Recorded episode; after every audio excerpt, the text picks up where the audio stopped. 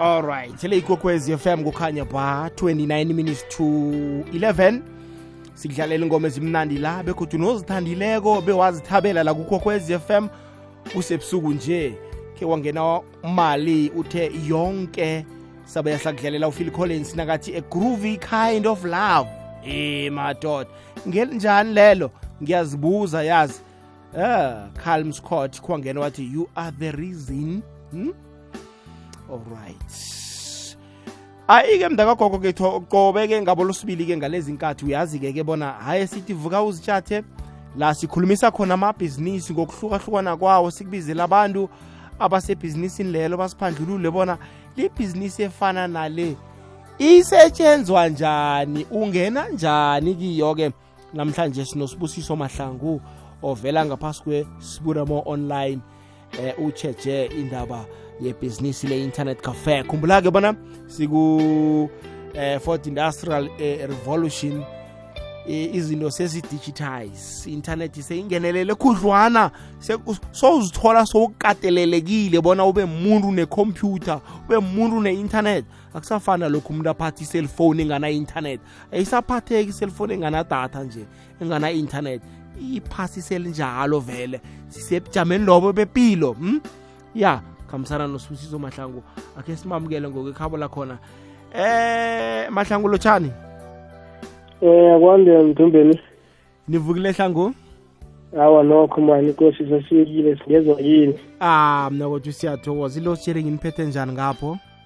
Awa nokho isasicolela amalanga la. Isaniqolela amalanga la. Ukhuluma nje isasicolela lisibethi kangako oh sengitsho ukuthi load shedding le iniphethe njani? Eyi load shedding yona iyasibamba kukunje ngikhuluma nawe nje ngisebumnyameni. Usebumnyameni ayikho igezi. Ya mara ngiyacabanga ukuthi ikwekwezi ngiyo ezakukhanyisa awuzweka hayi uyibethe khona uyibethe khona. Eh ehlangu mani iyamukela umlaleli kwekwezi FM uzethule bona ungubani kuphi njani uza njani nesihloko sethu sanamhlanje? Eh ngithokoze-ke mintu lavu ngithatha ithubeli-ke ngilotshise umlaleli wekwekwezi kuphi nakuphi la afikelela khona. Eh ngitsho ngithi kukhanya ba.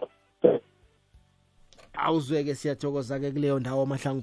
Mahlangu namhlanje sitsheje nasa ibhizinisi ye ye-internet cafe. Khumbula-ke bona eh, sizithola sikatelelekile nje bona umuntu abe ku-internet eh, 24 hours. Akusafani nalokhu ngenkathi zethu ukuthi basho i-internet beyitholakala ema-post office. Usakhumbula sibu? Boyithola e-post office kwaphela. Kufanele niyikhwela lapho nitshentshisana ngekhompyutha eh, bekangakafika ama-smartphone. Nje i-internet sekuyipilo yethu esiphila ngayo. Kunomuntu nje eh, ofuna naye ukuzithola asebhizinisini le-internet. Sitshela nje nasikhuluma nge-internet cafe sikhuluma ngani? Ngaphambi kobana si- siyihlaziye bona ufika njani. Okay ngithokoze mintu lavo um njengoba-ke uyibeka ukuthi isikhathi sisale sathuthuka mhlambe nezinto zachubuluka njalo. Well nasikhuluma nge-internet cafe sikhuluma ngomhlobo webhizinisi ozokuthi nawuwenzako uthole ukuthi kakhulukhulu uzokuberega ngaphakathi kwawo uberegise ikhompyutha um nanto lesibiza nge-inthanethi-ke ngiyebizwa ngomzinzolwazi iyazwakala-ke mfo manje-ke nangumuntu-ke unetshisakalo lalibhizinisi. Ufika njani? Kuthonywaphi kufuneka ini? Okay ya.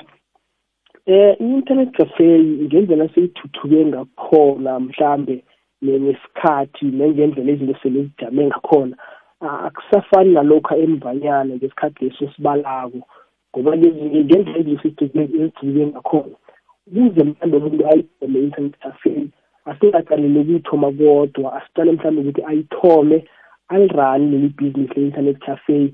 Bese-ke libe nempumelelo ingabi into ayithoma nje mhlawumbe emvekeni emintathu inyanga emibili ntathu thole ukuthi seliyafa.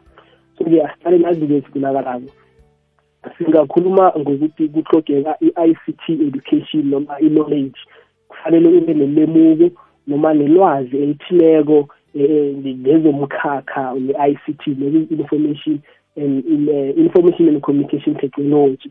Then mhlawumbe ube ne-skill esithileko ngaphakathi kwawo wona umkhakha lo then ube nesithando lento le then-ke mhlambe na uthole ukuthi nelwazinyana elincanyana-ke lebhizinisi uyaba nalo.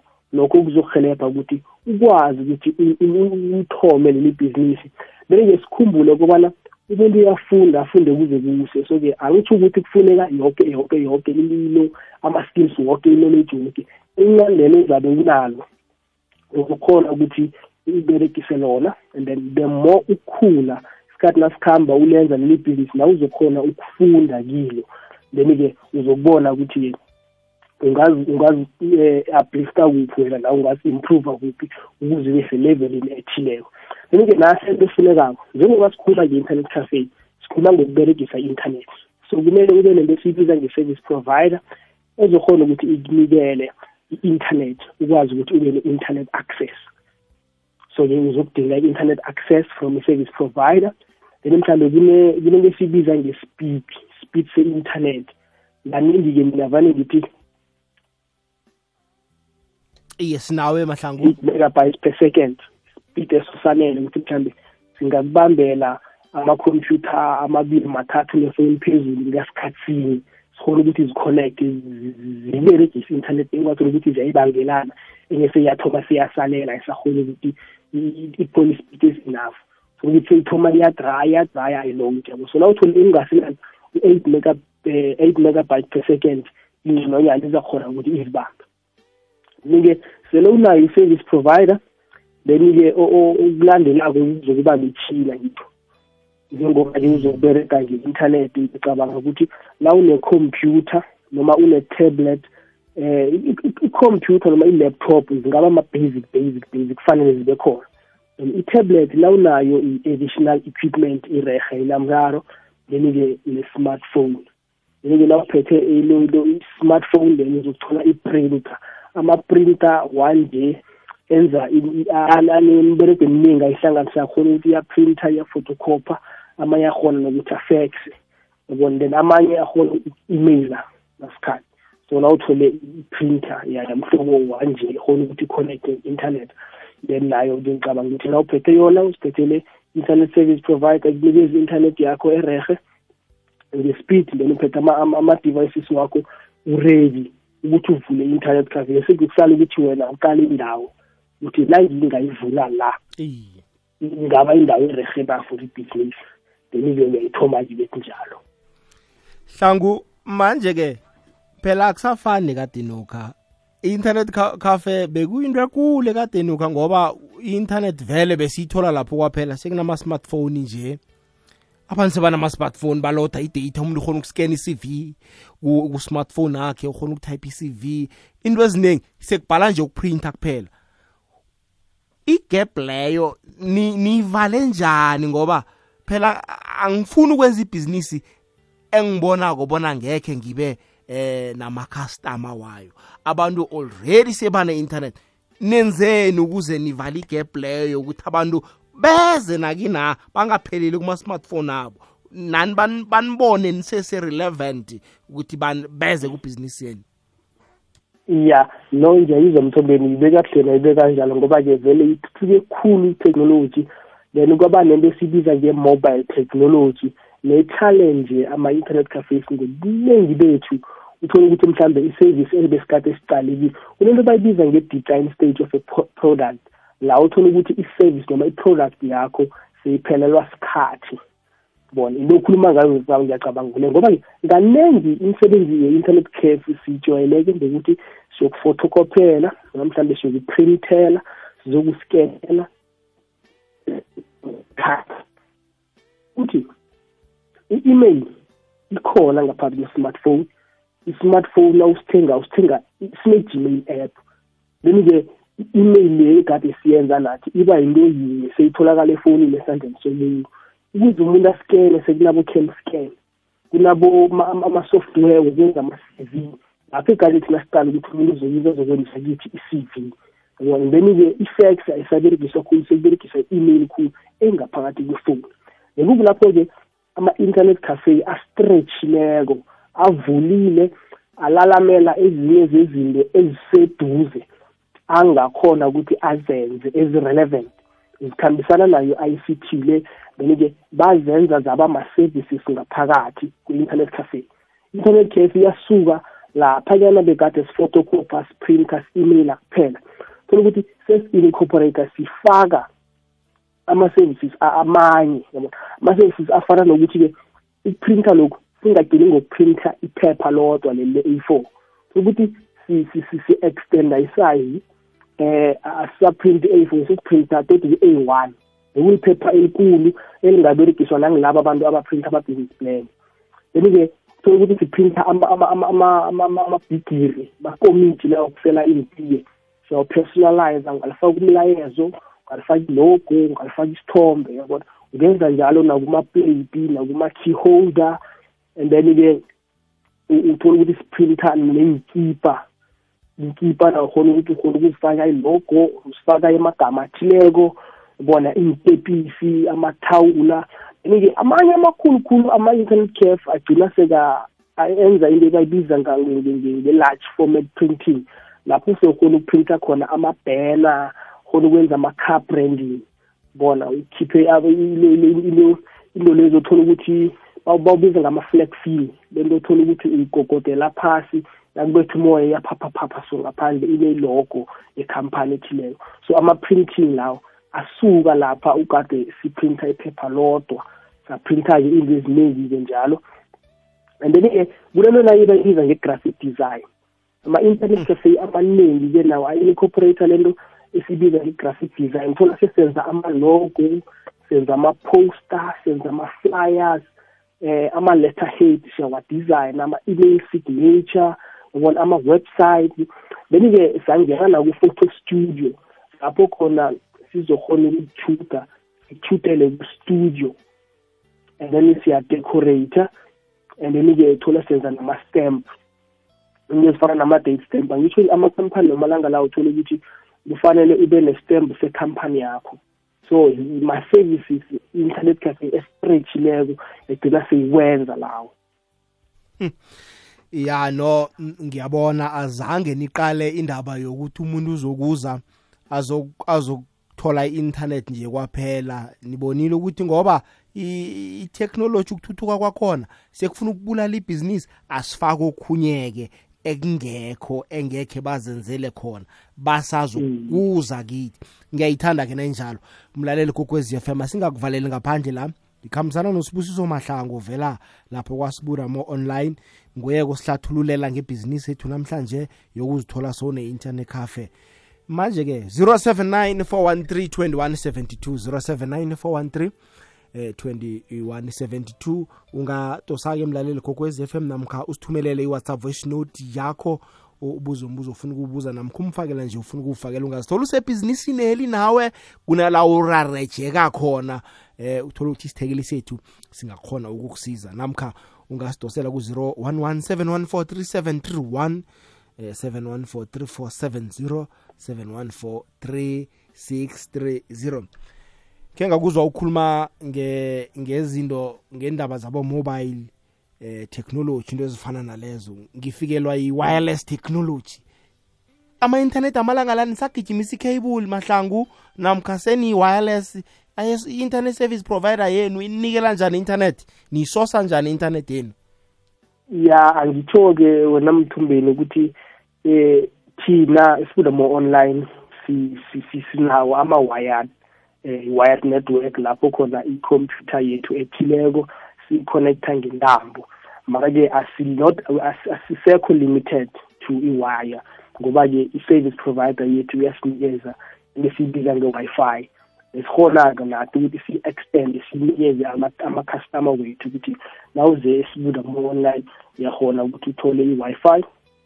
Ke sithi mhlambe uze uzokwenza okhunye mhlambe icup uzokubringisa icup aluminium bottle uzokwenza i-keyhole. Sikhona ukuthi njenge-customer sikunikeze i-access to i-wi-fi ngokunikela i-pin. So lokho-ke akuchokho ukuthi siberegise intambo. Nikwenzele ukuthi noma ungakaphathi ikhompyutha uphethe i-tablet uphethe mhlambe ifoni kuphela uyakhona ukuconnecta kule wi-fi yethu. Kusafana nalokhu asiberegisa intambo iyodwa for ukuconnecta ku-internet.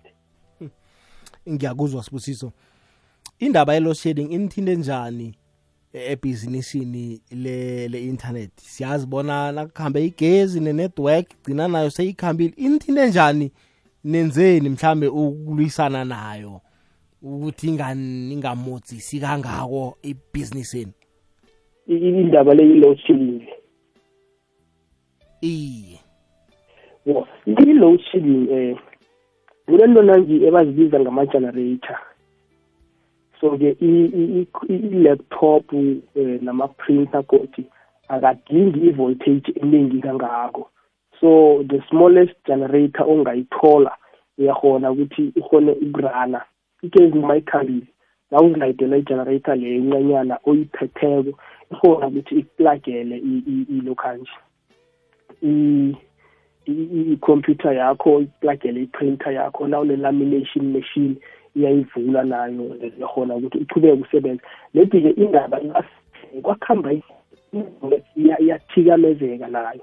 So uthola ukuthi-ke i-stability i-signal strength ye-internet ayibi that powerful noma uberekisa i-generator. Iyakukhombisa ukuthi kunala kuthindeke khona. Ngoba-ke ama-generator ama-service provider awanama-generator woke.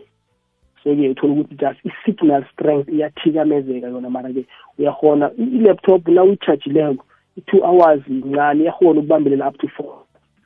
Lesaphila-phile kuhle. So ezinye ezizinto mara leti ebakhona khulu indaba i-signal strength ye-internet.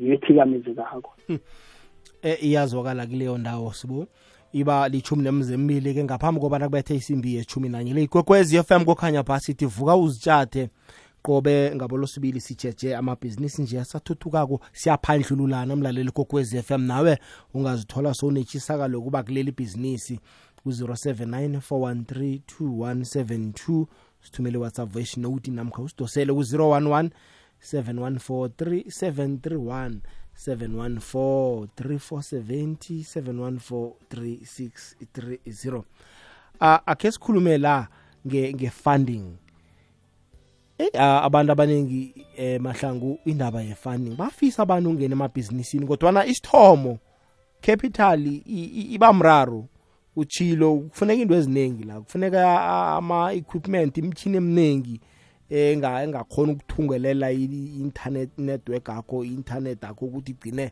yayibona indaba nendaba zama-laptop. Mm. i-funding kusetshenzwa njani? Ya eh i-funding godi ngithi improvile njengoba i-internet improve yenza ezinye izinto godi zibe lula. Ngoba-ke nawuqala emvanyana ukuthi bekufanele uyokufika e-ofisini ugcwalise ifomu uchiye okuchiyako ukhambe baza kuphendula ngeposi futhi nje mjinandi yokuhlola ukuthi akunaletha ekhona eposini na well-ke nje kulula kunama-funding agencies nedi-ke ama-funding agencies la azokufuna ukuthi na uthoma ibhizinisi lakho le-internet cafe uliye formal angithi kunokurana ibhizinisi formal nokulirana informal so nangabe urana ibhizinisi formal kutsho ukuthi ulirana ngamaphepha nangokulandela imithetho ethileko. Angenze imzekeleko la urena i-internet cafe uthoma ngephepha elibizwa nge-registration certificate. Uyakhamba uyokurejistara ikhampani lesipro leli sibiza nge-c i p c namhlanje. Then-ke uba compliant leli sibiza nge-companies act. Na uphethe i-registration certificate leyo iphepha lakho lokuthola then-ke uye kwa-sars bakwenzele lento bayibiza nge-tax compliance nekade ibizwa nge-tax clearance emvanyana iphepha lakho lesibili. Uye ebhanka bakwenzele i-bank account nekutsho ukuthi na uzokuthola imali ethileko ingena ayisiyo yakho ngeyekhampani indlela-ke yokubereka formally.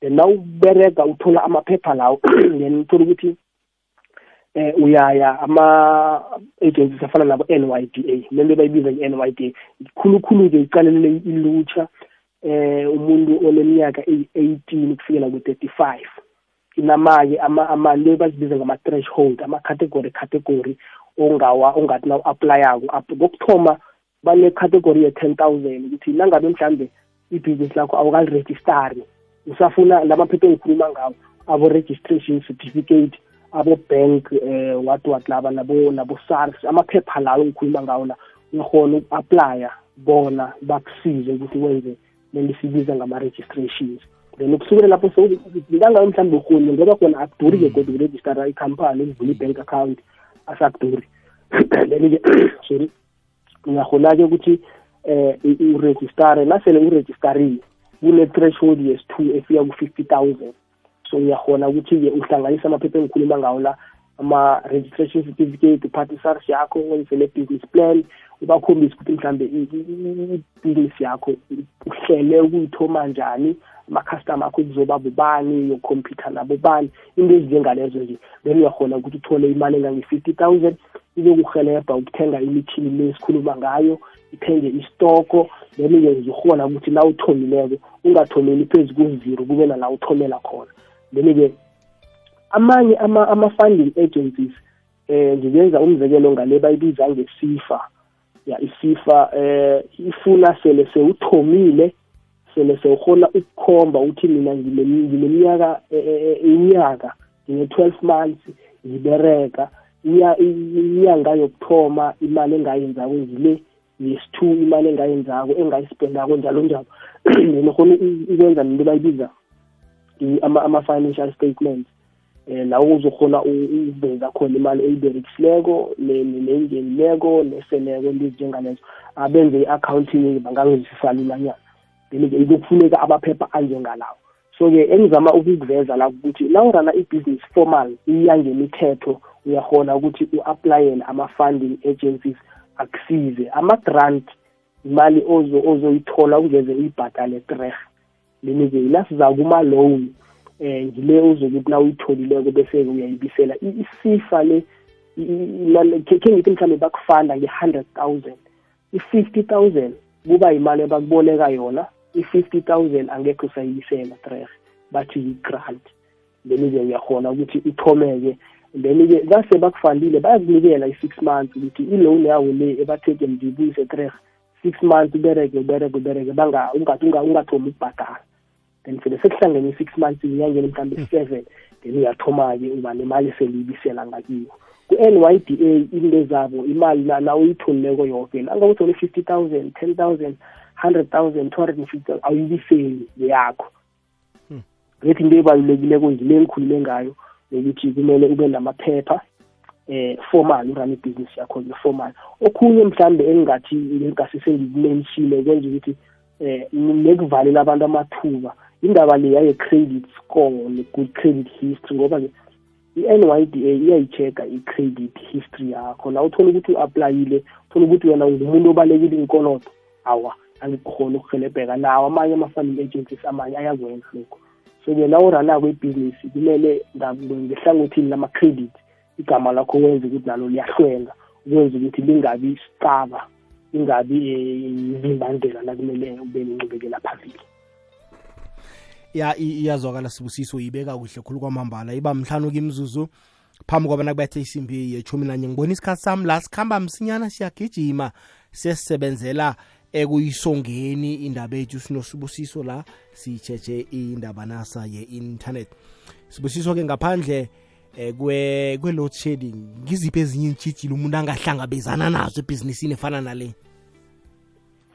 Ya iintshijilo zikhona zona mhlambe singafaka eh, ama-competitors ngoba nangathi uya-check-a nje njengoba sithe sayimenshina ukuthi eh lezi zabo copy print scan i-mobile technology izithethe. So ukuze ungenelele deep ku-industry le udinga imithini ethola ukuthi iyabiza iyabiza. Manje-ke kuyakuthoga ukuthi urane u-operate ukwazi ukukhombisa ukuze uthole mhlawumbe ama-funding agencies ukuthi akusize. So-ke kudinga ukuthi ubekezele and then-ke kunanto naya ye-pricing. I-pricing kaningi iyasibetha. Ukhona ukuthi uprice i-product noma mhlambe i-service mara imali ezokwenzela yona nge-price leyo uthola ukuthi awukhoni ukukhavara ama-expenses wakho wonke angenze umzekelo. Ngayo internet cafe lekhe ngithi uthenga i-inki then uthenga namaphepha ama-typec then for ukuthi uzokuprintela abantu just ama-copy wama-i d ngoba i-copy i-i d noma ungabe uyaphi yaphi yona iyokufuneka so-ke wenze ukhophela abantu ama-i d. Eqeda ukukhophela abantu ama-i d la eh imali eyoyenza lapho ayisikuthi imali akho yonke. Kuyamdela ukwazi ukuthi okay njengoba ngiyikhophile eh kumele ngikhiphe imali emalini engizabe ngiyenzile kunento esiyibiza ngebudget khe ngithi inyanga iyaphela imali engiyihlanganisileko yi-three thousand. Kumele ngikwazi ukuthi phezu kwe-three thousand le ngiseta ibudget ngiyayihlelela imali le khona ukuthi ngiyiberegisa njani inyanga ezawo phezu kwe-three thousand bese ngiyashithi okay i-five hundred la ngiyokubhadala i-rent two hundred rand ngegezi imali engaka nge-transport imali engaka ngekuthenga isitoko imali engaka into esiyibiza nge-budget and ngeba isitshijilo esikhulu ngoba thina vane sithi i-budget yilokhu na uthethe imali wayiberegisa bese okusaleko yi-budget and i-budget ayisinjani i-budget yilokhu na uphethe imali isaphelele bese uyayihlelela ukuthi inyanga le njengoba ithoma ngiphethe imali engaka ngiyokuthenga ini nani nani nani nani ngoba-ke nabo ama-bank charges bakhona. So ngithola ukuthi nangabe awukayibhajeteli eh ngaboni twenty something bank iyathoma idosa imali ama-charges then usala uyahlayelela hmm, hmm. So-ke kumele ucala ama-competitors wakho ukwazi ukuprice then nokwazi nokuhlela then ibhizinisi yakho izoba neentshijilo mara uzakhona ukuthi uzeqe eziningi zakhona. Hmm. akhe sikhulume nge-maintenance umtshini yama-maintain ngeke i-laptop yasebenza unyaka wonke nenzani ukumaintain imjineni kufanele ukuthenga ne-inki. Maintenance nayo ngiyathemba bona uyayifaka ehelweni lakho le-budget. Iye injalo yona. Abazi-ke i-accounting vane bakhulume ngele bayibiza nge-depreciation value. Na uthenga i-laptop esitolo bathi thirty-six months to pay. Lokho kukutshela ukuthi impilo ye-laptop le yi-thirty-six months. Nangabe uthenga i-laptop nge-six thousand wona uthi six thousand divide by thirty-six. Imali ozoyithola lapho imali ekumele uyibeke ngenyanga. Then inyanga zokufika nazithi ziba yi-thirty-six uzabe unemali enye yokuthenga i-laptop etsha i-option is one yokuthi yona ayivami ukuthi ikunikeze i-problem ingakapheli i-life span yakhona. And then-ke ukuzimaintain ama-laptop kukuhle ukuba lento ezibiza ngama-contract. Uyakhona ukuba ne-contract ne-service provider ethile ekhona ukunikeza ama-services okulungisa mhlawumbe uku-install ama-software ukureboota ama-laptop lento ezifana nalezo. Mhlawumbe ikhona ukuzinikela i-inki so that ke ngithi mhlawumbe kufika inyanga nayisesephakathi ikhayelelwe i-inki uyakhona ukubathumela i-email bayilethe angeke bakubuza imali usho ne-contract nabo baletha i-inki nangabe kunani or maphepha phelile bayawaletha. Yabona? Na unama-contract anjalo uma mhlawumbe udinga i-maintenance beze bazocheck ikhompyutha yakho bayireboothe ba-update ama-software ama-drivers into ezinjengalezo then nje bese uzokuthi ekuphile kwenyanga ikhani ibhadala. And nakho lokho kuyasiza. Mara na unganama-contract nabantu the moment ufuna any service from them you must make i-payment first. Iyazwakala eh sibusiso. Asikhulume-ke sesiyivala nje i-security. Security uyisecura njani indawo yakho? Phela uphethe umtshini oserious angikholwa ukuthi ungathi utshayise entambama ugama laptop ugama printer nenza njani? Security umuntu kufanele ayisecure njani indawo yakhe indawo yakhe ya ya nayo-ke eh kokuthoma ungase uzame ukuthi indawo leyo yayisecure kaningi indawo na uyisecurako uyisecura ngokuthi yakheke ngestina kube nama-butler kube nama-alamu kube nama-camera if you afford ama-camera. Then ama-camera kunama-options lawo ukuthi um nawufake i-camera. If like i-camera leyo bayimonitora nangabe kuba nomuntu or kuba nomuntu ongakavumeleki from the distance asese bakunotify ukuthi kunomuntu oso endaweni yakho iba aware.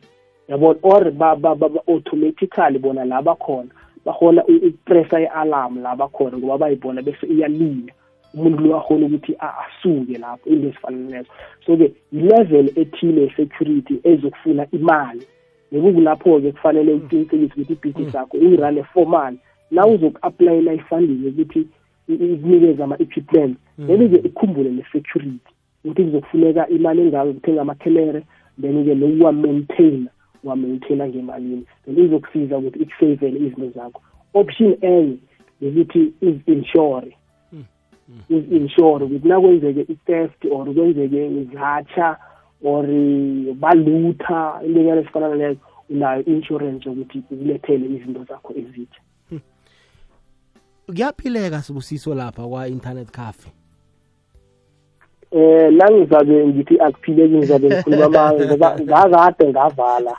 Ngakade sayivala ngathi mara ngoba-ke kuyaphileka ngoba qala siyahona ukuthi siberege nenkolo senze ama-certificate um ama-academic certificate siyahona ukuthi senze ama-grade r packages lezi zabantwana be-graduate so lapho awenzi into eyi-one nawenza ama-academic certificate awenzi isitifiketi esi-one kunikeza ama-certificate emura three hundred for isikole esi-one so-ke na uzitholileko ziyi-ten or ziyi-fifteen yabona ukuthi unomsebenzi omningi khona nokuthi uhayare nabantu noma abanye ngekho bahayare permanent mara for contractual uh, purposes. Bakhona ukubabamba for that term unomsebenzi omningi then baze bahelebhe uthole ukuthi kwawena nawuwedwa umsebenzi logcina ukudifela. Iyazwakala sibusisa hayi sesiyivala nje sibusisa siyathokoza mani. Pheze ilwazi osinikele lona la umlaleli ngiyathemba bona uhlole phasi into eziningi usiphandlululile ngento eziningi besingakazitshetshi utholakalaphi sibusiso eh isibusiso uyamthola eh ku-facebook ungalandela i-facebook page yethu isibuka mo online noma mhlambe ungasithinda kunamba yethu ye-whatsapp namba yethu ye-whatsapp ngu-zero seven two three seven eight six seven zero nine. zero seven two three seven eight six seven zero nine namba yethu ye-whatsapp leyo. Indawo?